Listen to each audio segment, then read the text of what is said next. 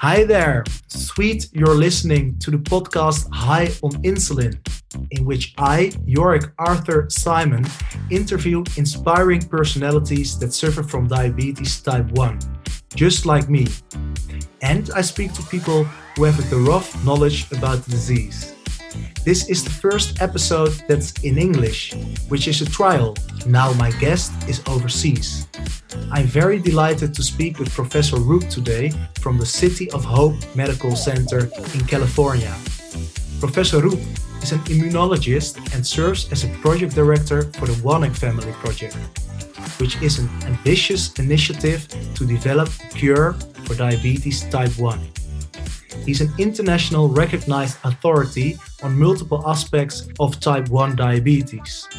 His particular focus is the cause of the disease and translates this to immune intervention strategies, including gene therapy, stem cell therapy, and bone marrow transplantation. His ultimate goal cure diabetes type 1. We will discuss his drive for this ambitious goal, his research topics, and his expectations about the cure timelines. Welcome, Professor Roep. Hi, Yorick. Here in Amsterdam, it's 6 p.m. now. Uh, we have a little time difference. What does the clock in California say? 10 past 9 a.m. morning. I have a whole day ahead of me. Cool. So, the invitations uh, of being in the show, High on Insulin, my podcast, was immediately accepted with a positive response. I'm very grateful for that. Can you explain me a bit about your enthusiasm? I feel a very strong responsibility to my stakeholders, the patients and families with type 1 diabetes, to inform them in a very honest way uh, where we are and how much things have changed for the good. Um, but it's important that you uh, have a very close connection with the people that you do it for. So they remind me what their needs are. And I can just tell them to bear with me while we are making very, very important steps to stop the disease. So that's why I find, find this so important. We will for sure go roughly into the steps that you're making. For now, you are the second guest actually in this podcast uh, that is not suffering from diabetes type 1 himself. I'm very curious. Can you explain us how your calling to dive very deep into this disease arose? Yeah, it's a kind of um, kinky addiction by now, uh, but but it, it has become my my life's mission. Uh, you may know my last name Roep in Dutch means calling. It's it's my faith. So during my studies in, in medicine in Amsterdam, I I was told uh, how diabetes was treated, but I wasn't told how it started. So when I asked, the professor was really stung uh, by a bee because you know, he said, ladies and gentlemen, I just explained how you treat it. And I said, you treat the symptoms, but you don't treat the cause. And and that's when I realized that I probably will be a very unhappy physician. And I changed gears to become a, a medical scientist instead, so that, or in addition, if you wish, uh, so that I can actually learn how the disease starts. And only when you know that, you can actually find ways to, to stop the disease of course, I did some research about uh, your great CV. And as I've seen, uh, you studied in the uh, Netherlands, you started at the Leiden University.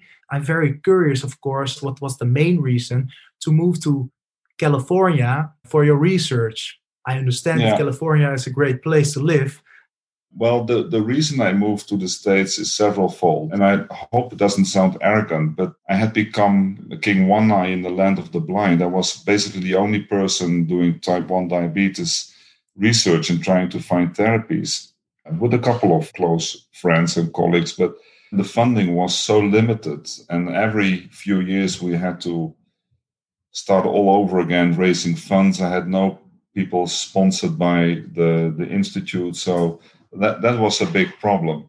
So that's when I th- looked around and I needed a bit of an, an adventure.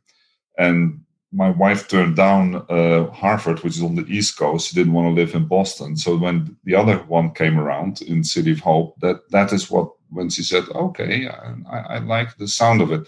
Now, City of Hope is a little gem. It's it's the place where synthetic insulin was first discovered. So the diabetes world owes the institute dearly. It's also the place where the insulin receptor was discovered. It's also the place where the father of HbA1c, yeah, the only measure of uh, blood glucose, had his home for, for many, many years. So this is a real little gem. It's known for a cancer, being a cancer center, but it has a legacy in type 1 diabetes. Now, the cancer part is another important component because diabetes and cancer are two sides of the same coin. If your in, immune system is too ambitious, then you can get autoimmune diseases like diabetes. But if it's not accurate enough, you can get cancer. So if you suppress the immune system in diabetes, you can get cancer, and that happens unfortunately too often. And if you activate the immune system in cancer to kill the cancers, which can now happen very successfully with immunotherapy, a significant number of patients get type 1 diabetes. So I can learn from their failures and turn them into success, but I can also learn about personalized medicine. I can learn about uh, immunotherapy, uh, about the tumor microenvironment, all kinds of things that I can directly use for my work in diabetes. But perhaps the most important reason is that they had money. As you can imagine, if you have the patents on things like synthetic insulin, uh, the sky is the limit. So I could really make my dreams come true without all the harassments, the masochism of raising funds, having what everybody thinks is brilliant ideas being slashed by your your competitors and enemies. So so this and, and when I got here, it got even better because some very friendly billionaires uh, heard about my arrival uh, in Los Angeles and said, uh, can, can, we help? So very soon we had another $54 million gift.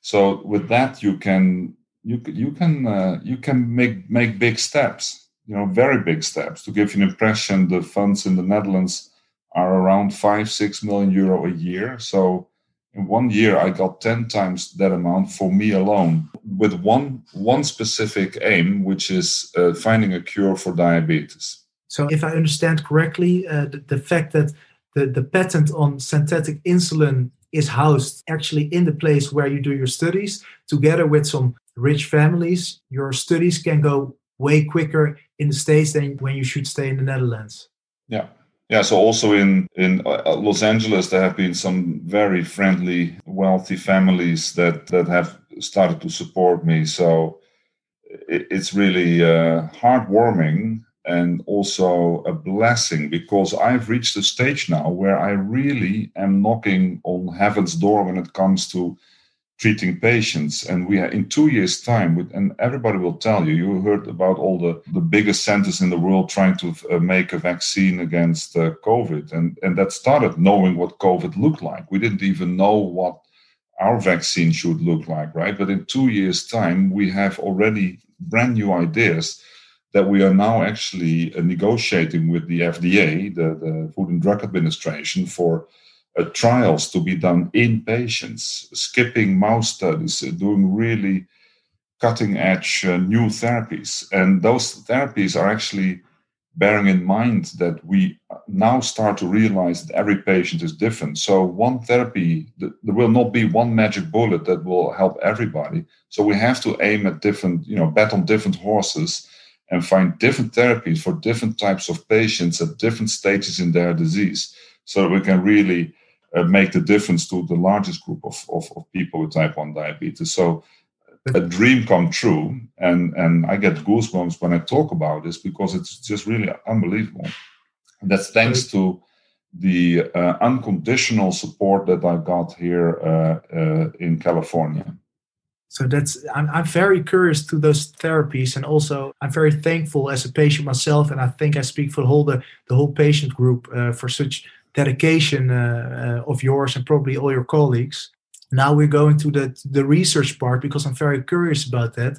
Though I have to say that most listeners, including myself, did not dive as deep in the scientific literature as you did, of course. So if we could elaborate on the research uh, and, and try to keep it a little bit simplistic, it would be great. I always start to say that everything I learned in the textbooks of medicine about type 1 diabetes turns out to be wrong. It's not an inherited disease. There is genetic risk, but you cannot inherit the disease. It's, it's not an antibody disease or a B cell disease. It's not a mistake of the immune system, even.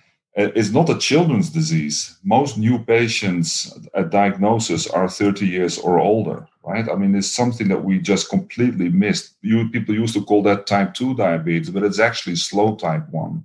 So uh, the disease is not one disease, it's a very diverse disease. And patients knew that way longer before all the researchers and, physicians did because what they read in the patient magazines they always think mm, that isn't me and i'm sure you you recognize that uh, Jorik that it always seems that they talk about somebody else and that's because every patient is different now It's very true yeah because you always feel it feels different for me probably his insulin yeah. is working quicker or something like that and you know you were right and we were wrong i mean and that means that we have to really tailor our therapies to the particular patient's needs and, and where the patient may differ from others. So that is the next challenge. And it, it feels a little bit like a step backward because we now start to realize that there will not be one magic bullet therapy that can cure all patients. But once we know it, we become much more realistic and we become more careful in choosing which patients we want to serve for a particular type of therapy. So that is building a completely new stage. Now, the other thing, and that's a fairly recent discovery with my friend Arnaud Zaldumbide in, in the LUMC, we discovered that it looks like it's not a mistake of the immune system. Like autoimmune diseases are diseases where your immune system, instead of fighting COVID and other infections and cancers, it starts to attack your own tissue. So people label that as a mistake. And we now have come to realize that what the immune system is actually doing, probably with good intentions, is attacking stress tissue because it has similarities with cancers. It has similarities with with uh, infected cells, infected tissue. And um, the immune system of diabetes patients is probably the best in the world. It's the immune system that cancer patients are craving, that they wish they would have had, because it's so sensitive that it's actually able to find those changes. And the islets of Langerhans, that's the place where the insulin is made. They're, they're clusters of, of hormone producing cells in your pancreas. Uh, they are the hardest working cells in our body. They, ha- I, I sometimes cite a figure that I find mind boggling. One beta cell, that's the cell making insulin, can make 1 million copies of insulin every minute. I'm speaking slowly because 1 million, one cell, 1 million, one minute, right? Is it crazy that the cell gets stressed? No. I'm doing the math. No, that, that's that's the, probably you know, it is the hardest working cell, and not only has it got to produce it in enough amounts, it also has to store it and secrete it and only secrete it when it's needed, right? Because if you give too much, you die. And if you get too little, you die. So this is a very magic cell. Uh, I've become so impressed. That's why all those stem cell people have such a horrible time trying to culture good beta cells because it, it's kind of magic. I, I think actually that you are giving a, such a, a positive vibe to to the immune system of the diabetic patients. And I think that's great because it gives me a, a good feeling, though there is something going wrong. And what is the thing? Why are those beta cells working too hard in diabetes yeah. patients or something like that? No, that's a great question. And, and, and, and don't get me wrong. Eh, so when we published in a very high ranking profile medical journal that, that we think we discovered the cause, some journalists said, so it's not an autoimmune disease. No, it is an autoimmune disease. It's still your immune system attacking tissue that it shouldn't attack. And don't get me wrong. But I think the intention was not a mistake. So, what happens in those beta cells when they work too hard is that sometimes the machinery that produces proteins from the genes makes some mistakes, slips a little bit, and makes funky proteins that should not have been there. So in cancer, those are the targets of the immune system, right? So that's why I'm saying, listen, it could actually be something that the immune system has learned to recognize early on because you will never get cancer. And it's true that some cancers in type 1 diabetes are much less frequent. So we have a better, uh, uh, you have a better immune system. By the way, the genes, some people say it's inherited disease, that the disease variants that give you an increased risk are the ones you want to have to fight COVID are the ones you want to have to fight cancers, right? The, Actually, what you're saying is some kind of cancers are probably not well known for diabetes type 1 patients, and COVID probably also is not uh, a disease that is attacking many diabetes patients. Well, let me say slightly differently. The chance to get infected is the same, but the way how your immune system yeah. deals with it is, exactly. is much superior. So yeah. You probably have a better chance to uh, to just deal with it. And then so, one side, uh, note, side note about the cancers, probably the whole insulin uh, injections and the insulin pumps in our bodies is also not that good for all the tissues in our no. body. So probably that will give maybe an, yeah. another chance to for for, yeah. for other cancers. Do I say that correctly? Yeah. You got me there because, but then I I don't not blaming your body, right? I mean, insulin is a growth hormone, and and growth hormones increase risks for cancers, particularly if they are injected in sites where they're not meant to be injected. So that's why I'm saying insulin is not a cure. Insulin is palliative care. It extends your life in a very good way, but it only treats the symptoms. It doesn't treat its cause. I don't want people to be dependent on insulin for exactly the reasons that you now indicate. Injecting insulin is, is not normal. Um, so, if we can preserve your own source of insulin, that's another novelty. Most patients actually will have some beta cells. It's really striking. And also, the textbook saying that you're diagnosed with only 10% left is not right. It's, it's maybe five times greater, and you only need 10% to be insulin independent, right? So, if that's the case, if many patients have beta cells, they may not be working anymore because they kind of shut down. I call it hibernation, and that they kind of become senescent. I have an immunosophical interpretation. I think they're hiding for an immune attack, but in either case, they are there. If we can rescue them and reactivate them, we have an we restore a, a, a source of your own body to produce insulin. And every everybody knows that even if you make tiny amounts of insulin, your, the probability that you get uh, complications is much, much, much less. So that that's something that we, you're sure of that that there yeah. are bad beta cells that are actually let's call it asleep and that are with some kind of therapies hopefully developed by you and your team or actually other researchers i have to say i don't do not really mind but it is possible with some therapies to reactivate yeah. them let me put it this way. I'm sure they're there. I'm not sure that they're there in everybody. So one of the okay. things we need to and i know they will not be uh, left in every patient. And don't don't uh, i mean don't don't read me wrongly but you know i'm looking at the glass being half full after a hundred years or thousands of years we have been looking at the glass being almost empty in the case of diabetes. So we have opportunities. And i'm saying it because as long as you have beta cells, immunotherapy makes sense. Beta cell therapy makes sense. So the concept that many of my colleagues have had, and even more patients, that diagnosis means game over is wrong. And that's why I think it's important. So that's and, something and, we can and, cheer for. Well, for yourself, yeah, you can cheer yeah. for yourself because uh, it is something where it adds to the sense of urgency for me to do trials. I cannot wait to for to get money to be funded. I need to have it on the bank to get my new ideas translated very quickly. So there is a sense of urgency, but the fact that it's not game over is such a difference for I mean, I can just imagine for you to hear this.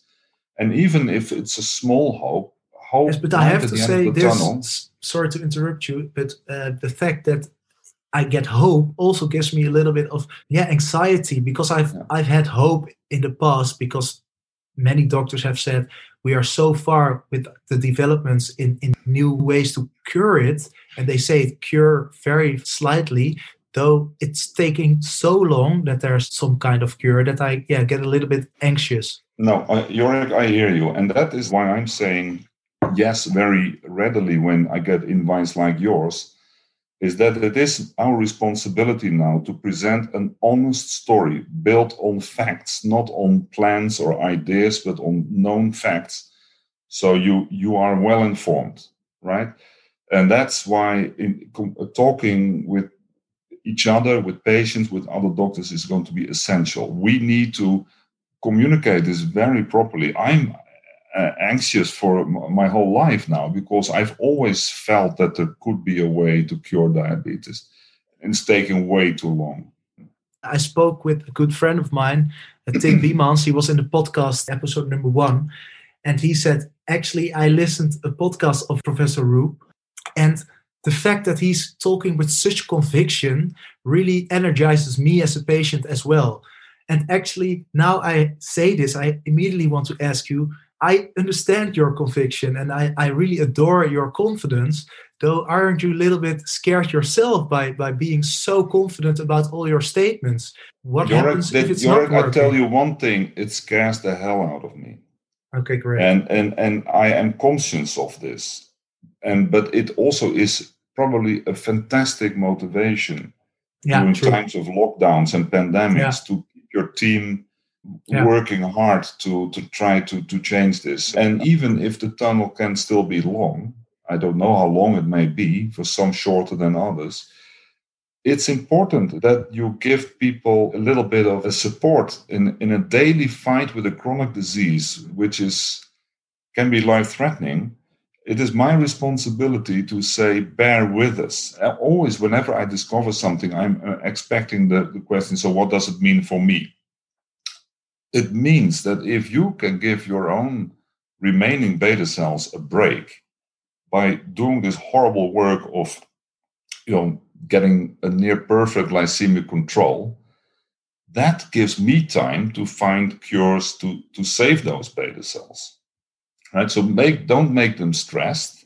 So basically what you have been doing all your life is not just a waste of time or delay of execution before you get complications. No, actually, it's saving some remaining beta cells. So for you, there is an additional motivation to do a good job, not just to make your parents happy or you know your your your friends.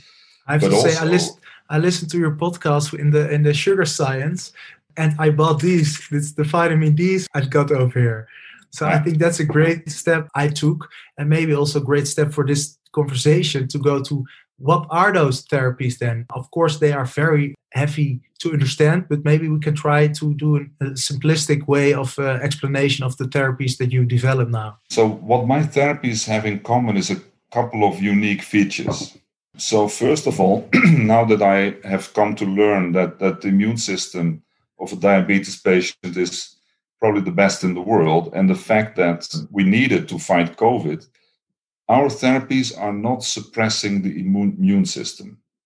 We are negotiating with it. We are engaging the immune system. That has never been done before. But this is a completely new concept where we try to say, don't bombard your immune system into submission, negotiate with it. So that's one. Second is we'll do that with very gentle drugs, biologicals, antibodies, hormones, vitamins, food supplements, vitamin D3. And third, we do it in a very targeted way, not just that we only want to correct the immune attack to the source of insulin, the islets of Langerhans. We also want to avoid that we suppress the immune response against cancers and diabetes. And we want it all to happen around the pancreas, the, yeah. the place where those islets are. So it's a targeted approach and it's very selective. So then we do personalized. Otherwise, so it would be quite dangerous for, yeah. for other tissues around. Yeah, but you know what? Right? You know what, Jorik? I actually think diabetes is pretty dangerous myself. No guts, no glory. There has always got to be some risk taking, even however gentle we try to be. And let me tell you another story. and That is something that people don't know and overlooked. People have been cured from type 1 diabetes don't tell me I could not use the C word of cure. It has happened. It was a trial in Brazil from American company Genzyme, where we gave autologous bone marrow transplantation. So the bone marrow of the patient, herself or himself, at the time of diagnosis. Now, this is a risky therapy, and for some, it's too risky. But at City of Hope, we have done 16,000 of these transplantations, and not autologous, but from a donor in the context of cancer. So in cancer, we say, hey, let's do it. And diabetes said, uh, that's risky. But if, if you don't wake up because you have a hypoglycemia, that's risky. I know mothers that put their alarms every yeah. two hours to check on their kid. I mean, this is a bad disease. Let's not try to hide us from it. So I'm just saying it can happen. And I mean, it's only 10% of the cases that got cured forever until today, but it's now 14, 15 years later. And what and about, uh, I'm not sure how you say it in English, the bijwerkingen? Side effects? Side yeah, there effects. Are, there are side effects, and there is what? even a risk of death. It's less than 1%, but actually the risk of diabetes could be a little bit higher, even. Don't be mistaken there. But there is temporary effects because what we do, we take some of the stem cells from the blood, then we clear the whole immune system of the patient. That's the bad step, right? So we do that with chemotherapy, we do that with antibodies, so that erase the, the mistake from the immune computer, and then we infuse the bone marrow back into the patient. So that is the therapy. But it works. And the fact that it works, and even if it's one patient, right? And actually, we are able to predict with our immune assays, we can read the blood of the patients and say, you have an almost 100% chance to be in complete remission, which means you make your own insulin. You're not depending on insulin anymore. That is crazy when you think about it. And we can tell in whom we better not do it because the probability that you will have any lasting benefits is too small. So we can actually do some personalized medicine already.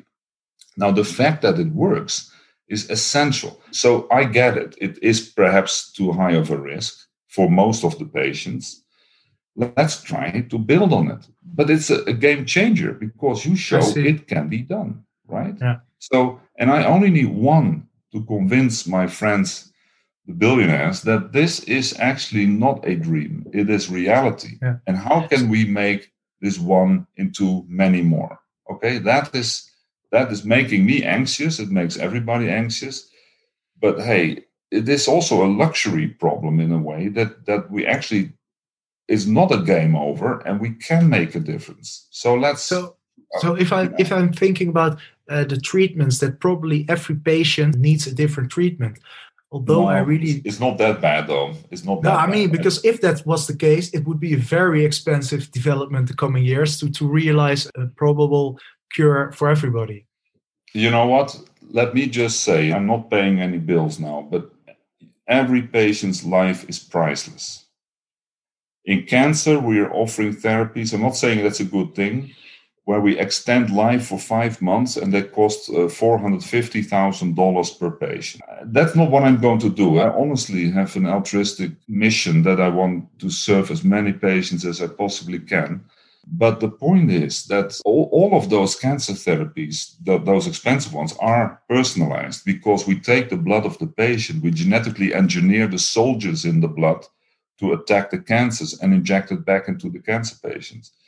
And then you can say, oh, but it works. It cures cancers that could not be cured brain cancers, glioblastomas, other types of cancers. So it actually has an effect. It has many side effects, but it can be done.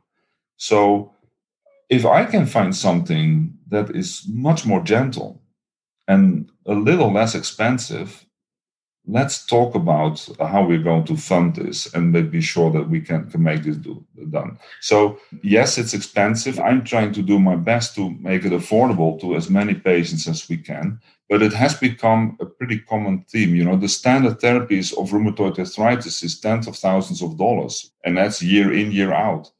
Yeah. So, if we can cure the disease once in a young life, yeah. Imagine what. And what's young? What tell me what's young? well, I, am young. okay, that's great. That's a great answer. Go on.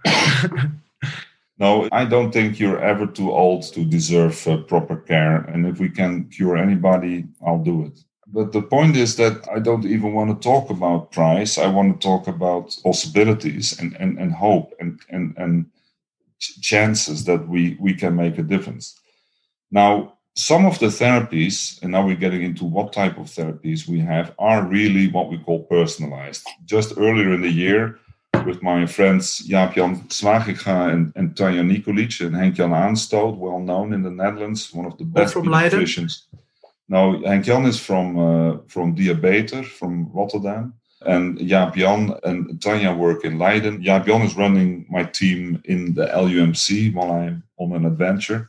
And I trained and recruited okay. So they did a trial, a vaccination trial, where we took blood of patients, volunteers from Diabeter and Jan's clinic. We changed those cells with vitamin D, added our vaccine, and injected back into the patient.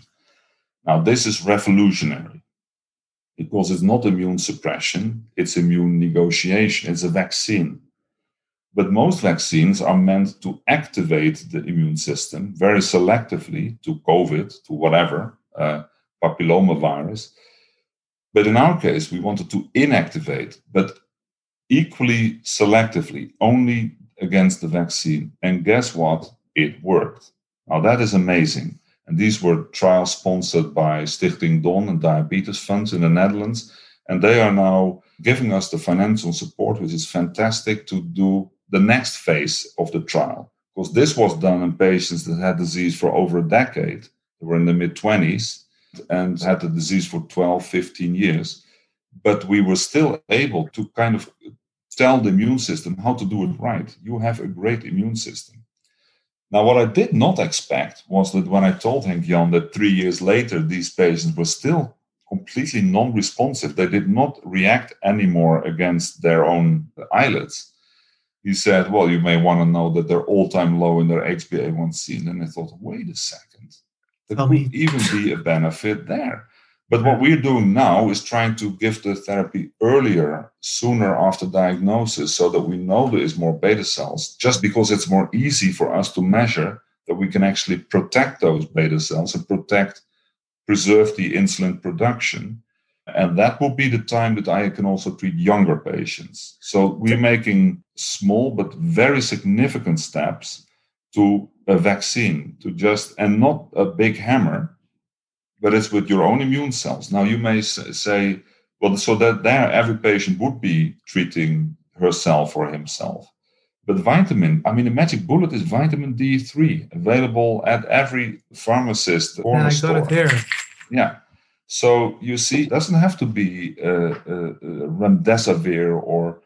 Uh, so, some great advice uh, from your side to all diabetes patients take your vitamin D to, to well, secure, it is important. Let me be very secure your cells that are still there. The story about vitamin D is a complicated one because vitamins, the vitamin vital, right? so they're vital uh, nutrients. They do many different things, usually good things. Uh, don't take too much, but take more than the recommended dose. Don't take more than the maximum dose, but take more than the recommend. That is actually something that was front page New York Times in April with the COVID, because COVID too, patients that have severe problems with COVID that end up in the ICU or die, all of them have in common that they have a very high chance to be insufficient or deficient for vitamin D3. And, and as you know, the big side effects with COVID are the overreactions. And in a way, type 1 diabetes is an overreaction, it's too much of a response we don't want to suppress it, we just want to correct it, right? Take off the rough edges. When you think of it, who are the people that have severe COVID uh, risks? It's people of color. And as you may know, vitamin D is the sunlight vitamin, so it gets activated under sunlight. If you have a dark skin, you actually need to take more vitamins to get the same amount being activated. Or more sunlight. Skin, your skin is darker. Elder, older people, need to take more. I'm actually a little insufficient in vitamin D. So, uh, and they were at very high risk, as you know. Obese people, vitamin D is fat soluble. So, this, uh, the fat is a kitchen sink. So, you think you take it, but if it all ends up in your fat, it doesn't end up where you want it to be, right? So, that is a big risk. So, and this is the same vitamin that we are using for the same purpose in diabetes to just correct your immune system. Now, the data in the literature only prove that if you take it as a pregnant mother during pregnancy or in as an infant your first two years of life then it has been proven to prevent getting diabetes in the 20, next 20 years of your life so that is pretty amazing right? Uh, and this is follow-up studies of 20 years right? And in tens of thousands of patients it's not not just guesswork. So but it's very difficult to prove that it also works later in life. So, but it doesn't harm later in life, and there is good data to show that you know keeping your blood sugars right is also easier when you have sufficient uh, amounts of vitamin D, active vitamin D in your blood. For your immune system, it's also going to be very helpful. So yes, take it. I'm doing it, and and, and my kids got more than than uh, the consultation uh, office uh, advised, Great. but not not more than the limit. Huh? So the, with so to wrap it up, take vitamin D. Actually, give it to all your children. I know for my father, he takes vitamin D for five years already, but I thought. I'm not sure why you're doing this, Dad, but now I heard from your side as well. Take it because it won't harm you. Yeah and, and the recommended doses have increased dramatically in the last few years and they're always adjusted to above so that more people that you take more just don't take more than the maximum that is there, there is there are some side effects that you don't want to uh, uh, uh, take as a risk but but and uh, of course it's also present in food huh? in fish uh, fish oil cod liver oil uh, so fish is going to be helpful, avocado, stuff like that. So so everybody uh, take your vitamin D's. Great, yeah, but great, with great. a with a good with a good diet and with uh, sufficient sunlight, most of us will be sufficient. But it, it doesn't harm to take some extra. So we are actually now at some point which is called the request of my previous guest. In my previous episode, Wouter Tullenaar was here, and I asked Wouter, or he has a question for you. So a question, it's in Dutch. So maybe you can listen to it, you can translate it afterwards, and then uh, yeah, maybe you can give him an answer. Hoi Bart, Wouter Tullenaar hier. Leuk dat ik je een vraag mag stellen.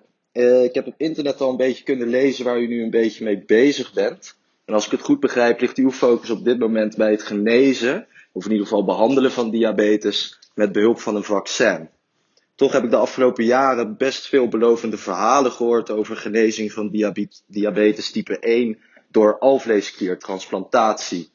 Ik vroeg me af of hier ook nog in wordt onderzocht en ontwikkeld. En eigenlijk vooral waarom tegenwoordig de focus bij een vaccin ligt in plaats van zo'n transplantatie.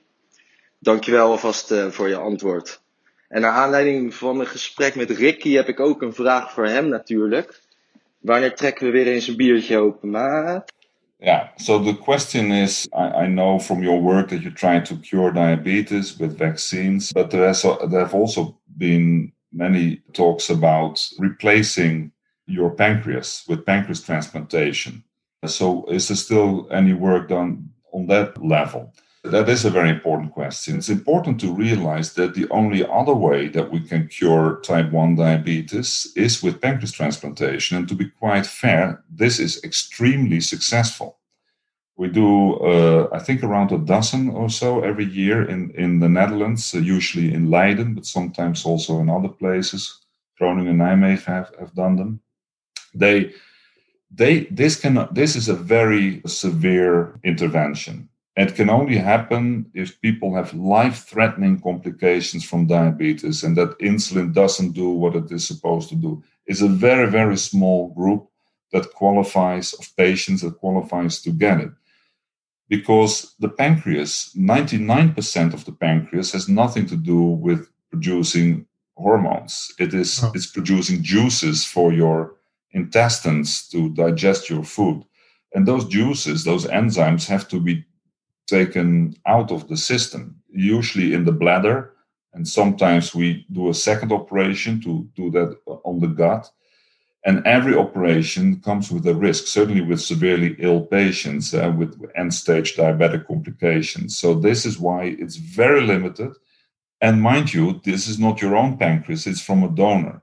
So that gives two problems. First of all, you need to have a donor, and and and there is a huge donor shortage. So we'll never there is 10 times more people diagnosed every year than we ever could transplant if we could take all the grafts that were available. So that is a problem. But the other one is you have to avoid rejection.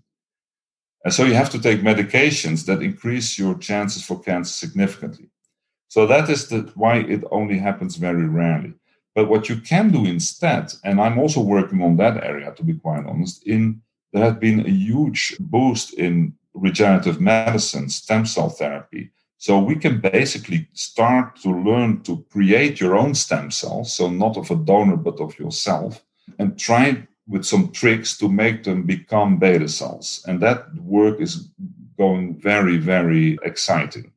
It's still difficult because I told you in the beginning how complicated beta cells are and how sophistically sophisticated they are. But this is something that people are working on, and I'm working with a company in uh, San Diego where we take embryonic stem cell derived beta cells. We Do we have names? T- huh? Names of the company? Do we have it? No, I, I, prefer not to say it because I'm also uh, uh, working with them and, and, and I don't want any conflict of interest. Uh, I see. But uh, okay, it, it's ViaCyte. Uh, there is yeah. also Semma in Boston. There's a couple of companies. I don't make any money of it, to be quite honest. I'm just trying to see whether if we inj- so they put them in tea bags and kinds of uh, envelopes so that uh, they cannot be seen by the immune system. That's a problem because an embryo is not is somebody else it's not you. So it will be rejected if you don't take precautions. The tea bags avoid that but the tea bags also avoid that there are blood vessels going in and, and you know the, the, islets need to see uh, uh, blood glucose to start working. So that is something they need to solve. But that work too is is uh, moving forward. So there is different sources of beta cells, and there will be a group of patients that will not have sufficient beta cells. So for them, we all once we stop the problem, if we close the tap, we can start mopping. That's when we can offer new types of beta cells. But I I would contend that this is only a good idea if it doesn't have to come with medication that increases your chances of cancers. I see. So now we have discussed many great therapies. We also discussed some great institutes where you are working, but also where you your colleagues work. And now I have an important question uh, because I believe that there is competition everywhere in the world, and competition isn't bad for developments or getting things better.